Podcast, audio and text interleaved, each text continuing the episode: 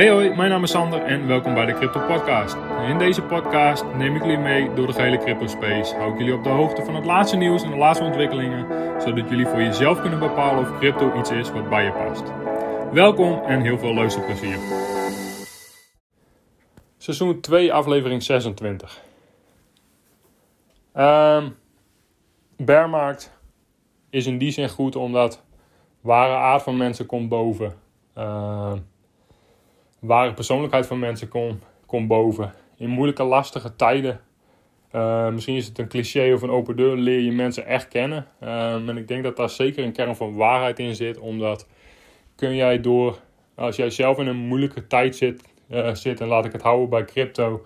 Als het gaat over jouw portfolio, als het gaat over jouw investeringen, heb je dan nog steeds oog uh, voor anderen kun je nog steeds luisteren naar wat anderen te zeggen hebben. Kun je nog steeds blij zijn om het geluk en succes van anderen.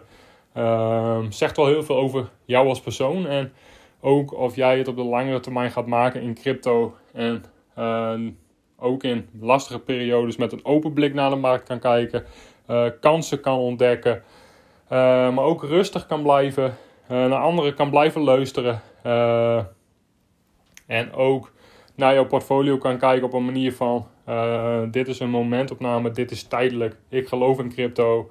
Uh, en ik zie waar dit mogelijk in de toekomst allemaal naartoe gaat. Is, is heel erg belangrijk. En als jij er op die manier in kan staan, met oog voor anderen, kan blijven luisteren naar anderen, met een open blik kan kijken naar mogelijkheden en naar de markt.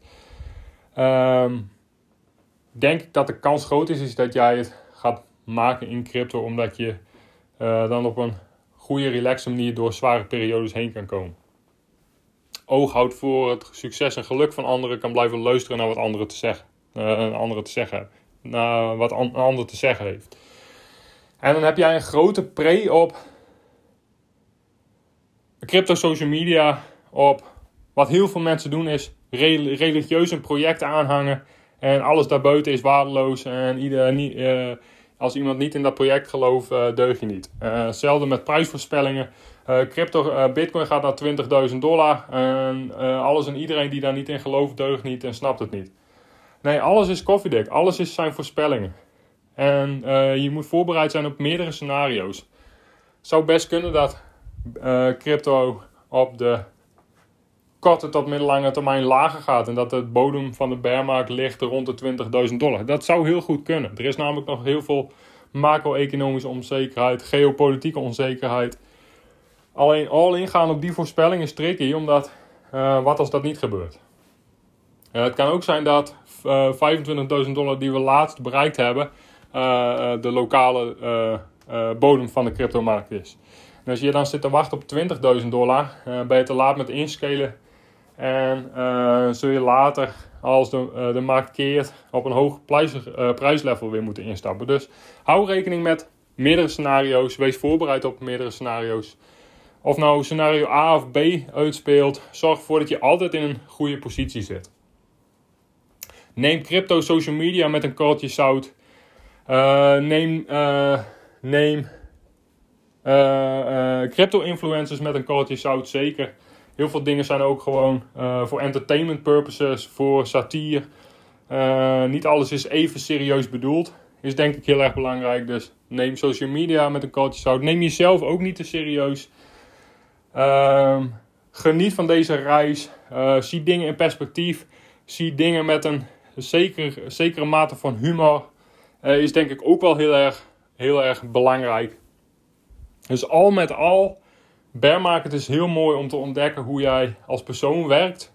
Hoe jij omgaat met lastige situaties. Hoe jij omgaat met uh, kapitaal, investeringen en emoties.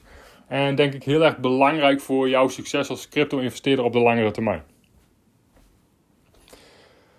Om iets inhoudelijks te zeggen over deze bearmarkt en over waar het mogelijk allemaal naartoe gaat, wil ik wel even kort iets zeggen en wel even mijn mening over, over ventileren en ook waarom ik dat denk. Uh, zou best kunnen dat Bitcoin naar 20.000 dollar gaat. Omdat er geopolitiek en macro-economisch gewoon heel veel onzekerheid is. Zal ik niet ontkennen.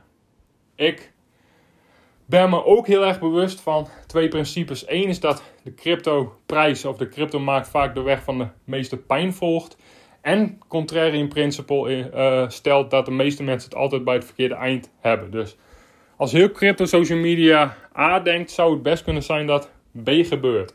Als heel crypto social media denkt dat B gebeurt, zou het best kunnen dat A gebeurt. Um, daar moet je je van bewust zijn en dat moet je meewegen in jouw strategie en in je beslissingen die je op de korte tot middellange termijn neemt. Um, zou ook best kunnen dat we eerst een, lokale, een lokaal dal hebben bereikt, omdat. En wat dat betreft ben ik het heel erg eens met de Rauwe Paul. Heeft laatst een interview gegeven en vergeleek crypto met uh, Amazon in zijn beginjaren. Is wanneer een netwerk groeit, wanneer meer mensen gebruik gaan maken van een bepaald netwerk, of uh, uh, meer mensen onderdeel zijn van een bepaald netwerk, doet dat iets met pieken en dalen, doet dat iets met volatiliteit. En waar, waar Amazon in zijn begindagen, toen het netwerk klein was, drops maakte van 95%, en dat heeft Bitcoin ook laten zien in zijn beginjaren, werden die drops naarmate het netwerk groter werd, minder diep. Um, en dat is wel heel erg belangrijk om mee te nemen in, in je crypto-analyses op de korte tot middellange termijn. Crypto-netwerk is aan het groeien. Uh, landen, banken, instituties zijn geïnteresseerd, investeren hierin. Uh, enorm veel developers werken aan, uh, werken aan dApps, werken aan netwerken, werken aan chains. Um, ook in deze bear market, ook in deze bear market zijn er use cases voor crypto die nog steeds interessant zijn. Staking, lending, uh, yield farming, uh, gaming, NFT's. Dus er is heel veel te doen ten opzichte van 2018.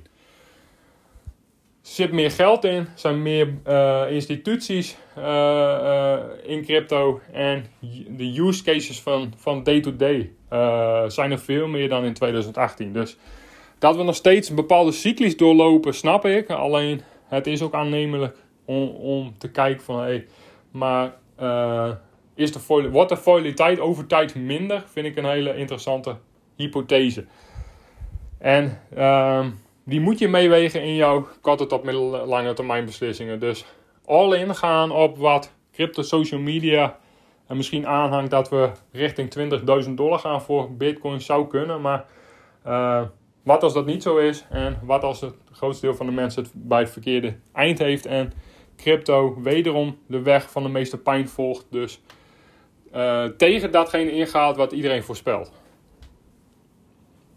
Is, uh, nou, is gewoon belangrijk om mee te nemen. Zelf denk ik dat we nog wel steeds bepaalde cyclus doorlopen, maar dat er fundamenteel uh, elke dag crypto sterker wordt. Als het gaat over adoptienieuws, als het gaat over de spelers die gebruik maken van crypto, als het gaat over institutionele adoptie, als het gaat over banken, als het gaat over landen die geïnteresseerd zijn in crypto op een bepaalde manier gebruiken, denk ik dat crypto, het crypto-netwerk in zijn algemeenheid veel volwassener wordt. Um, maar goed, the way to go, en dat heb ik veel vaker gezegd. Ik denk dat, dat dit een hele mooie tijd is om te blijven DCA'en. Dollar cost average, over tijd. Niet te gek, uh, bedachtzaam. Neem je tijd. Uh, accumuleer bepaalde posities die jij interessant vindt. Bedachtzaam.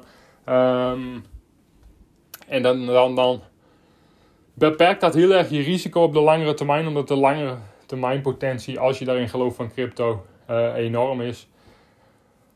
Is het één niet erg als, we nog wat dieper zakken, dan kun je door blijven DCA. Ook niet erg als dit een lokale dal was. Uh, en je de afgelopen tijd lekker in een positie bent gaan zitten, ook door DCA. Dus ik denk de, eigenlijk door de bocht, DCA op dit moment nog steeds the way to go.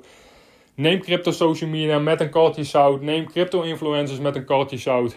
Uh, sta stil hoe jij in deze zwaardere periodes uh, erin staat. Hoe relaxed je bent. Neem jezelf ook niet te serieus.